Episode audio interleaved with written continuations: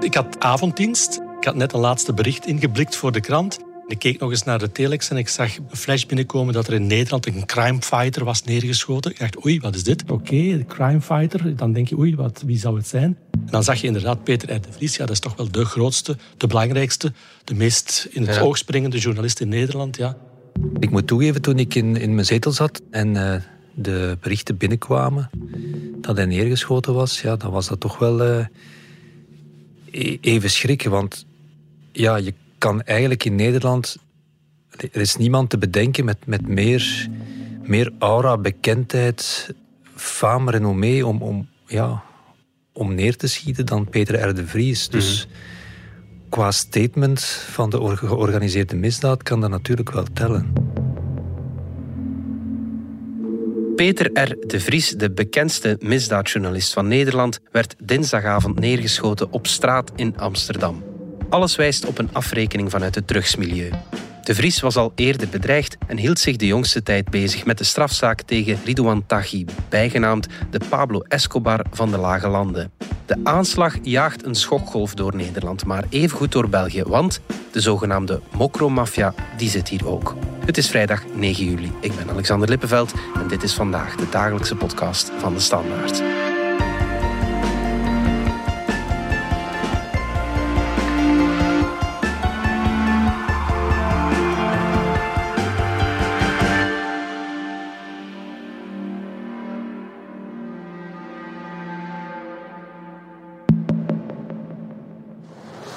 Ja, uh, dank voor uw komst. Uh, aan het begin van uh, deze laatste dag van staatsbezoek uh, willen we toch heel graag onze ontsteltenis kenbaar maken voor verschrikkelijke aanslag gisteren op Peter R. de Vries. We zijn zeer ontdaan hierdoor en wij wensen alle die hem dierbaar zijn heel, heel veel sterkte vandaag en in deze moeilijke tijden.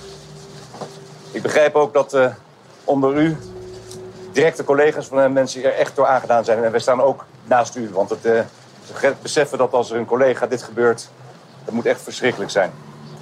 Het is een, uh, Peter de Vries was natuurlijk een journalist, een bijzondere journalist. Is een bijzondere journalist. En dit was een aanslag op de journalistiek. Hoeksteen van onze rechtsstaat. En daarmee ook een aanslag op de rechtsstaat. Helaas heb ik verder nog geen details wat er nu precies aan de hand is. Maar toch wilden we heel graag dit dit moeilijke moment met u delen. Dank u wel. Dat was de Nederlandse koning Willem-Alexander, daags na de misdaad. Bij mij in de studio collega's Dominique Minten van de buitenlandredactie en misdaadverslaggever Mark Eekhout. Hoe gaat het nu met Peter R. de Vries? Wel, het is nu donderdagochtend als we dit opnemen. Hij leeft nog altijd officieel. Er is geen, geen communicatie dat hij al dood is. Mhm. Dus het is heel onduidelijk. Maar hij, hij zou in het hoofd geschoten zijn. Er zijn vijf kogels afgevuurd ja, dat ziet er natuurlijk niet zo goed uit. Hè. Dus het is, het is, echt afwachten wat er, wat er, uh, hoe het met hem afloopt. Maar de tekenen zijn niet zo goed uh, in elk geval. Wat weten we ondertussen over de feiten? Wel, eigenlijk weten we redelijk veel al. Dus ze hebben heel snel drie mensen opgepakt. Mhm. Omdat ze, ja, die, die, die, aanslag is gebeurd in midden uh, Hartje Amsterdam, mm -hmm. vlakbij het Leidseplein. Dus iedereen zag dat. Heel veel omwonenden die dat gezien hebben, mhm. die die schoten gehoord hebben. Er is direct een signalement van een man doorgegeven. Er is ook een wagen, een signalement van een wagen doorgegeven. En die hebben ze snel kunnen, kunnen traceren. Ja. Via camerawerk uh, hebben ze tegengehouden op de autosnelweg. Mm En daar zijn twee mensen in gearresteerd. Daarna is er ook in, in Amsterdam zelf nog iemand opgepakt. Sanderendaags is er dan één man vrijgelaten. Dat was de man die niet in de wagen zat. Maar er zijn er twee mensen zijn aangehouden gebleven. Het gaat om een Pool, een 35-jarige Pool. Mm Camille E. wordt hij genoemd. En een 21-jarige eh, Rotterdammer. Ja. Waarvan later werd gezegd van, ja, het is een rapper. Dus hij is stond bekend in het, in het rappersmilieu, Delano J. Mhm. En die twee wonen eigenlijk allebei ergens midden Nederland, in, de, in, in Gelderland. In uh, Maurik is het dorpje waar, waar de Pool woont. En de andere heeft een huis in Tiel. En dat is eigenlijk niet ver van de plaats waar eigenlijk de, de homeground van Ridouan Taghi, die man is daar opgegroeid in, ja. In, in diezelfde buurt. En daar zijn, in die stadjes zijn dikwijls al wapenopslagplaatsen gevonden, auto's teruggevonden van de georganiseerde misdaad. En dat doet iedereen zeggen van ja, het, alles wijst naar Ridouan Taghi. Ja, Ridouan Taghi, dat is de drugsbaron die nu terecht staat in het Marengo-proces. Daar komen we straks op terug. Welke aanwijzingen zijn er nog dat de aanslag op de Vries aan hem gelinkt is? Wel, we moeten natuurlijk altijd met twee woorden spreken. Mhm. Tot op dit moment is er geen enkel bewijs dat Tachi achter die aanslag zit. Veel zal afhangen van wat die twee gearresteerde mannen verklaren aan de politie. En dan nog is het niet zeker dat, uh, ja, dat zij weten wie hen in dienst heeft genomen als uh, huurmoordenaars. Mhm. Heel vaak gaat dat via een aantal tussenpersonen. Nu, wat spreekt in het nadeel van Tachi is natuurlijk het feit dat hij twee jaar geleden ook al Peter R. de Vries heeft uh, bedreigd met de dood. Mhm. Nou, ik heb het natuurlijk in de loop van de afgelopen 40 jaar dat ik misdaadverslaggever ben, uh, meerdere malen meegemaakt. We horen de Vries hier in december 2020, kort nadat het nieuws van de dodenlijst is uitgelekt. Maar goed, het is nooit een fijne boodschap om, uh, om te krijgen. En, en wij, wij denken natuurlijk allemaal dat het komt uit de hoek van Tachi. Mhm. Dat denk jij ook, denk ik? Dat, ja? ja, daar wijst het wel op, ja. Tachi heeft dat dan later ontkend. Hij heeft ook gezegd van nee, ik wil u helemaal niet dood. Hij heeft dat ook openbaar gezegd. Mm Je hebt toch een brief van Tachi gekregen dat jij eh, totaal onschendbaar bent? Nou, toen, toen, was ik nog niet de vertrouwenspersoon van de kroongetuigen. Nu blijft natuurlijk een feit dat Peter R. de Vries eh, de laatste maanden raadgever was van een kroongetuige in de Marengo-zaak. Dat is de zaak tegen uh, drugsbaron uh, Ridouan Taghi. En dat ben ik nu wel gedurende een half jaar. Dus dat zou, dat zou natuurlijk de, de zaak enorm veranderd kunnen hebben. De kroongetuige is natuurlijk de persoon die de organisatie Taggi uh, ja, van zijn voetstuk heeft getrokken, heeft uh, ontmanteld, waardoor de hele bende, of het grootste gedeelte van de bende, nu achter de tralies zit. En het is natuurlijk een feit dat al de mensen die, die daar toen begetuigd tegen Taghi, ja, die zijn iets overkomen. Hè. Mm. Ja, de broer van kroongetuige Nabil B. die is vermoord en ook zijn advocaat Dirk Wiersum moest het met zijn leven bekopen. Ja, Tachi had de reputatie, of heeft de reputatie, eh, dat hij zegt, ja, wie praat moet dood. Mhm. en dan zou je natuurlijk ook kunnen denken ja, dat Peter R. de Vries ook in dat rijtje thuis hoort. Hè. Ja. Maar nogmaals, tot op vandaag is dat natuurlijk niet bewezen. Hè. Daarvoor is het nog uh, te vroeg. Mhm, mhm. Maar behoren die verdachten die nu opgepakt zijn tot ja, de entourage van Tachi? Dat weet, nee, dat, dat, dat weten we, we niet. We hebben alleen aanwijzingen. Aanwijzingen, dat zijn die aanwijzingen. Ze komen uit die, diezelfde streek waar hij, waar hij wel eens mensen ronselt. Mhm. Nee, dus maar de, de, precieze achtergrond van deze twee mannen, nee, dat, dat weten we nog niet. Mhm. Ze, ze, hoeven ook niet te horen tot de organisatie van Tachi. Hè. Uh, allee, drugsbaronnen hebben veel geld, heel veel geld. Ja, je kan heel makkelijk via, via, via huurmoordenaars vinden die, die niet gelinkt zijn met je organisatie. Hè. Mhm. Met veel geld kan je Met veel geld kan je alles kopen en je kan ook alle sporen uitwissen. Hè. Ja. Dat is de bedoeling. Hè. Tachi zal niet, niet zelf, hij zit nu in de gevangenis, maar zal niet een van zijn luitenanten rechtstreeks laten onderhandelen met huurmoordenaars en die dan in actie laten komen. Dan zou het te makkelijk zijn als die opgepakt worden. Hè.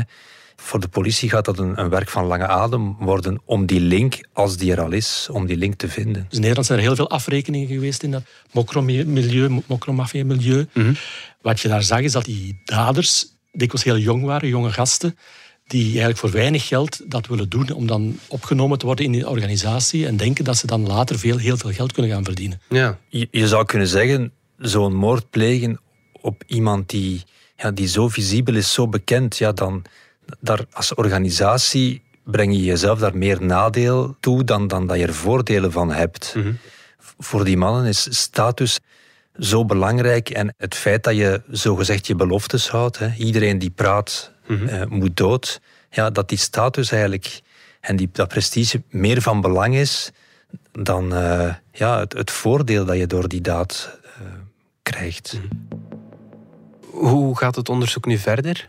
Wel, ik denk dat ze echt gaan proberen uit te zoeken wie dat de opdrachtgevers zijn. Hè. Dus die twee mannen die blijven aangehouden. Mhm. Eh, ze gaan die proberen aan te praten krijgen. Mhm. Tegelijkertijd loopt ook dat proces tegen Ridouan Taghi. Daar wordt ook erg naar gekeken.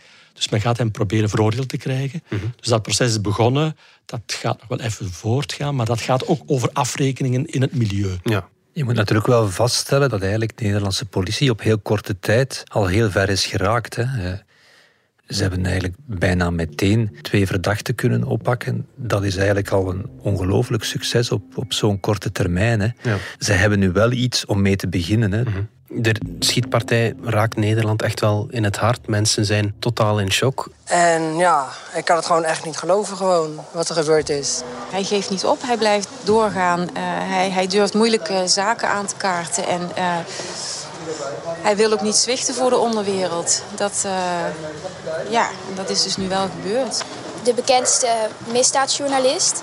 Maar ook de misdaadjournalist die um, een hele sympathieke man is. En die ook heel erg um, ja, steun en toeverlaat is voor de nabestaanden van een slachtoffer. En die zich altijd echt met hart en ziel heeft ingezet voor gerechtigheid. En ja, daarom is het ook zo erg dat, dat zoiets gebeurt met hem. Ja, ik ging onderweg een beetje huilen onder, ja, op, de, op de fiets een beetje. Ik voelde me nog steeds wel een beetje, ja, een beetje raar of zo, een beetje verdrietig of zo. De Vries is niet de eerste, de beste nee, journalist. Nee, zeker niet, absoluut.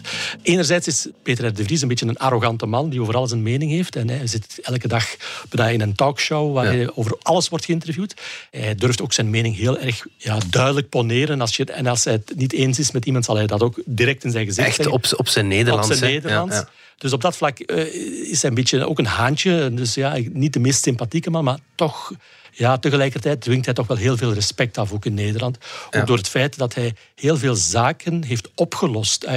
Heel bekende zaken die, die cold cases werden genoemd, die heeft hij opnieuw opgepakt, is hij, is hij ingedoken. Daar heeft hij televisie over gemaakt, maar die heeft hij ook tot een goed einde gebracht. Geef eens een voorbeeld. Wel, het laatste voorbeeld is, is de, de, de, de moord op Nicky Verstappen. Dat was een jonge jonge jongen in Limburg, die op, daar in Limburg op kamp was. Mm -hmm. Die is vermoord, is misbruikt en vermoord. Nooit is duidelijk geworden wie dat, dat gedaan heeft. Maar daar is dus Peter de Vries ingedoken. En na jaren onderzoek heeft hij de politie zover gekregen dat, er, dat ze zijn beginnen DNA-stalen vragen van iedereen, alle mannen die in die omgeving woonden. Mm -hmm. En daardoor hebben ze de man die dat, hij heeft het nooit bekend, denk ik, Mark, maar is de man uh, Jos B. Mm -hmm. gevonden. Ja. En is ook veroordeeld uh, vorig jaar of twee jaar geleden. Ja. Maar misschien zijn bekendste zaak is de zaak Natalie Holloway, een Amerikaans tienermeisje dat op Aruba werd vermoord. Zij is verdwenen. Haar lichaam is nooit gevonden. Maar Peter R. de Vries is dan uh, via allerlei tussenpersonen ook... heeft een, een zekere Joran van der Sloot tot bekentenissen over laten gaan. Ja. Dat is eigenlijk ook via verborgen camera gebeurd. Dus dat is niet helemaal 100% volgens de technieken die, nee. die, die, die politie kan gebruiken. Maar die zaak is ook wel opgelost geworden. Dus, ja. dus hij... hij... is eigenlijk meer dan een journalist, hè, De Vries. Ja, absoluut. Hij is natuurlijk in de eerste plaats een zeer gedreven journalist die in veel moeilijke zaken ja, toch wel de oplossing gevonden heeft of het gerecht zover heeft gekregen dat ze de oplossing zochten. Mm.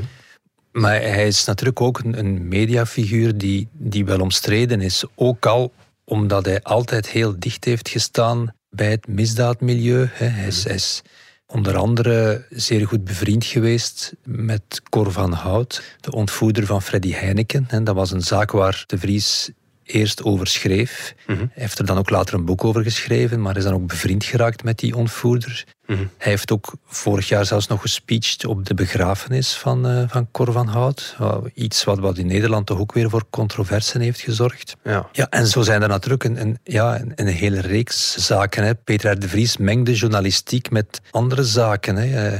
Uh, hij is nu journalist, maar tegelijk is hij ook raadgever van een kroongetuige in de zaak Tachi. Ja. ja dat zijn natuurlijk uh, verschillende petjes. Hij is trouwens ook voetbalmakelaar. Hij heeft ook een advocatenbureau opgericht. Ja. Ooit was hij zelfs kandidaat politicus. Hij heeft okay. in, ik denk dat het rond 2005 was. Heeft hij samen met Jan Nagel, ook nog een bekende politicus in Nederland, een partij opgericht. Uh, hij wilde een soort van nieuwe, nieuwe partij die, het, die de misdaad beter en, en harder zou aanpakken. Ja. Toen hij naar de verkiezingen moest trekken, ja. toen was er een opinieonderzoek waaruit bleek uh, dat maar 30% van de Nederlanders vond dat Peter R. de Vries een verrijking was voor de Nederlandse politiek. En dat vond hij te weinig. Ja, hij had gezegd, minstens 40% van de Nederlanders moet, moet, mij, moet mij een verrijking vinden. Dus hij is ermee gestopt. Dus heeft hij toch die partij weer opgedoekt. Ik probeer nu te denken of wij in Vlaanderen ook zo iemand hebben, maar, maar heeft geen echte evenknie bij ons? Nee, je hebt daar gewoon uh, een andere cultuur van misdaadjournalistiek. En dan heb je nog iemand als Peter R. de Vries, ja, die daar bovenuit steekt en die, die heel anders is dan, dan wat in Vlaanderen bestaat. Je hebt iets, inderdaad iets meer vedetten ook nog in, in die misdaadverslaggevers. John van den Heuvel is een ander figuur die ook echt wel een vedette is in Nederland. Die werkt voor de Telegraaf, maar die maakt ook zijn eigen televisieprogramma's. Ja. Dat is ook zo'n vedette die eigenlijk ja, die ook al vele jaren bedreigd wordt. Die ook eh, beveiliging krijgt. Die een tijdje ook ondergedoken heeft moeten, moeten zitten. Dat zie je in Nederland wel veel meer. Dus het is harder ook. De, de, Ja. de, heel het misdaadmilieu is harder. Maar ook de journalistiek daarover is, is uitgesprokener. En heeft de Vries ooit bescherming gekregen? Maar dat is eigenlijk een beetje onduidelijk. Ik denk het wel. Dus het Ja. is hem zeker aangeboden geworden. Maar hij heeft dat een beetje afgehouden. Hij wilde dat eigenlijk niet, want hij vond dat dat zijn vrijheid beperkte. Hij wilde zo niet leven met twee bodyguards achter hem. Mhm. Dus daar wordt veel, veel over gesproken in Nederland op dit moment. Of hij dat toch niet beter had gedaan. Mhm. Maar dat typeerde ook hem weer. Hij wilde, hij wilde ook niet toegeven aan, aan die druk van het gevaar dat er toch wel was. Mhm. Hij vond dat een soort van capitulatie dan ook weer. Maar ja, daar betaalt hij op dit moment wel een prijs voor natuurlijk. We hoorden in het begin van deze podcast al koning Willem-Alexander, maar ook verschillende politici hebben de misdaad al veroordeeld. Ook premier Mark Rutte. De aanslag op Peter R. de Vries vanavond in Amsterdam is schokkend en niet te bevatten. Een aanslag op een moedige journalist. En daarmee een aanslag op de vrije journalistiek. Die zo wezenlijk is voor onze democratie. Voor onze rechtsstaat. Voor onze samenleving. De vrije journalistiek waarvan Peter R. de Vries bij uitstek een vertegenwoordiger is. Nederland, Dominique, heeft al een aantal nationale rouwmomenten gehad. Is het een volk dat op zo'n moment verenigd en, en strijdlustiger dan ooit voor de dag kan komen? Ehm, dat vind ik wel. Op dat soort momenten tonen ze zich wel verenigd. Je hebt dat gezien met de MH17-aanslag bijvoorbeeld, maar ook toen Pim Fortuyn werd neergeschoten. Dat zijn heel andere dingen natuurlijk. Ja. Maar eh, dan voelen ze zich wel verenigd. Je kan het toch wel vergelijken met zo die aanslag op Pim Fortuyn of Theo van Gogh. Ik zeg, het zijn andere dingen, het zijn andere zaken, maar deze aanslag staat wel op dat niveau. Ja. En dan verenigen ze zich wel. De vraag is natuurlijk, wat kan je daartegen doen? Hè? Ze zijn er al lang tegen aan het strijden. De politie wordt hervormd, maar daar is nu ook weer kritiek op. Het is ook heel moeilijk om daar de vinger op te leggen. Hoe moet je dat nu gaan aanpakken? Ja. Er wordt nu ook gisteren ook weer al gesproken over moeten we dat... Ja, heel dat drugsbeleid, dat heeft wel een beetje gefaald in Nederland ook. Moeten we dat toch niet meer gaan legaliseren? Dat is ook een heel moeilijk debat. Van wiet kan je dat nog zeggen, oké, dat moeten we misschien toch echt wel gaan, eh, anders gaan aanpakken. Maar van crystal meth legaliseren, dat is natuurlijk... eh, Dat is een andere Dat is een andere, andere Ja, ding. ja. Maar het zijn wel dingen waarover weer- nu weer gesproken wordt. Ja. Men ziet op dit moment ook de oplossing niet. Nee, nee. Misdaad, je verwacht dat in, in Colombia of in Mexico, maar niet in Amsterdam. Hè.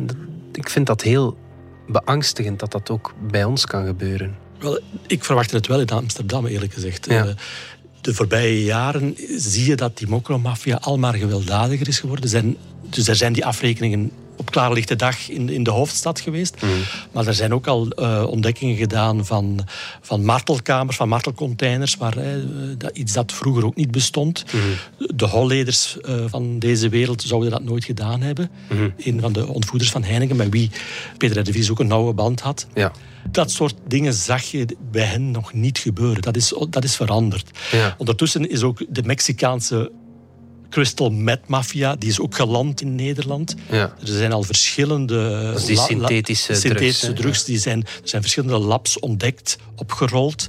En met die synthetische drugs is ook dat extreme geweld eh, overgewaaid vanuit Latijns-Amerika. Dus dat is daar toch wel al een tijdje aan de gang. Ja. En kan dat ook in België gebeuren? Want er zijn heel nauwe banden. hè, Ik heb mij de bedenking gemaakt. ehm, een tiental jaar geleden hebben we in Luik, toen de bende Habran, de topgangster Habran nog actief was, zijn daar een, een tiental huurmoorden geweest. Hè. Gangstersbendes die elkaar verdachten van klikken, die dan eigenlijk elkaar begonnen uit te moorden. Dat ging ook over eh, huurmoorden. Dat is eigenlijk beperkt gebleven tot Luik en beperkt tot die zaak. En voor de rest is dat eigenlijk in België nooit gebeurd. Maar ja, de voorbije jaren en zeker maanden ehm, ja, begint dat te veranderen. Omdat dezelfde cocaïnemafia en ook crystal meth mafia die in Nederland actief is, ja, die is ook in Antwerpen en, en de Kempen en Limburg uh, actief. Dat zijn dezelfde mensen. Dus ja, het lijkt alleen maar logisch dat dat gaat overwaaien. Mhm. Je merkt dat ook advocaten in, in, in België uh, veel voorzichtiger zijn geworden.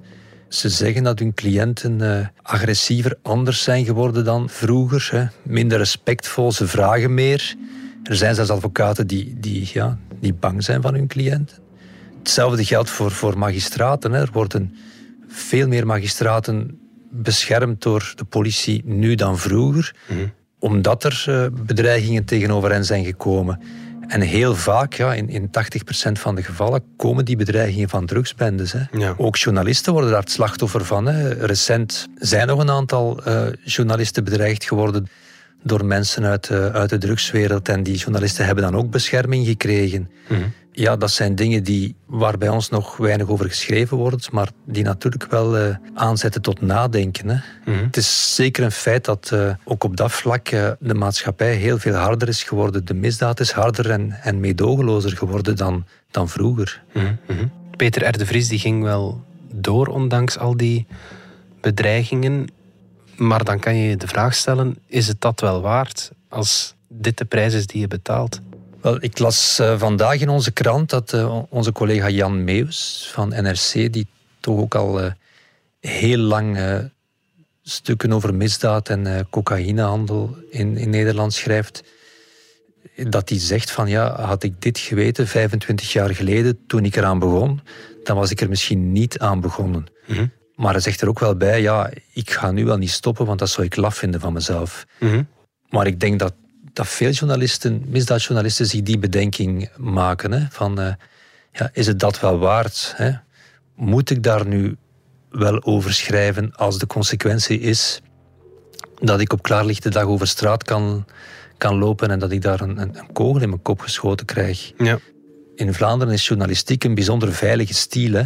En, ja, en, en nu lijkt dat toch wel een beetje te kantelen. En dat is wel een, uh, ergens een beangstigende gedachte. Ja, mag ik vragen of je er toch van wakker gelegen hebt uh, de afgelopen dagen, Mark? Ik heb daar niet van wakker gelegen. Ik heb daar wel over uh, nagedacht. Ik heb ook gepraat met enkele collega's die, die nog meer dan ik schrijven over drugsdossiers. En ik heb toch ook aan hen gemerkt dat dat, dat een soort wake-up call is. Hè. Nu, we zijn er ons met z'n allen van bewust, de misdaadjournalisten, dat uh, de speeltijd voorbij is. Hè. Het, mm. is het is al lang niet meer uh, grappig en cool om over misdaad te schrijven. Hè. Mm. Het is een ander gevoel dan vroeger, dat is zeker waar. Mm. Mark Eekhout, Dominique Menten, dank jullie wel. Dank, dank u wel. Dit was vandaag de dagelijkse podcast van De Standaard. Bedankt voor het luisteren. Reageren kan via podcast.standaard.be. Alle credits vind je op standaard.be-podcast. Maandag zijn we opnieuw.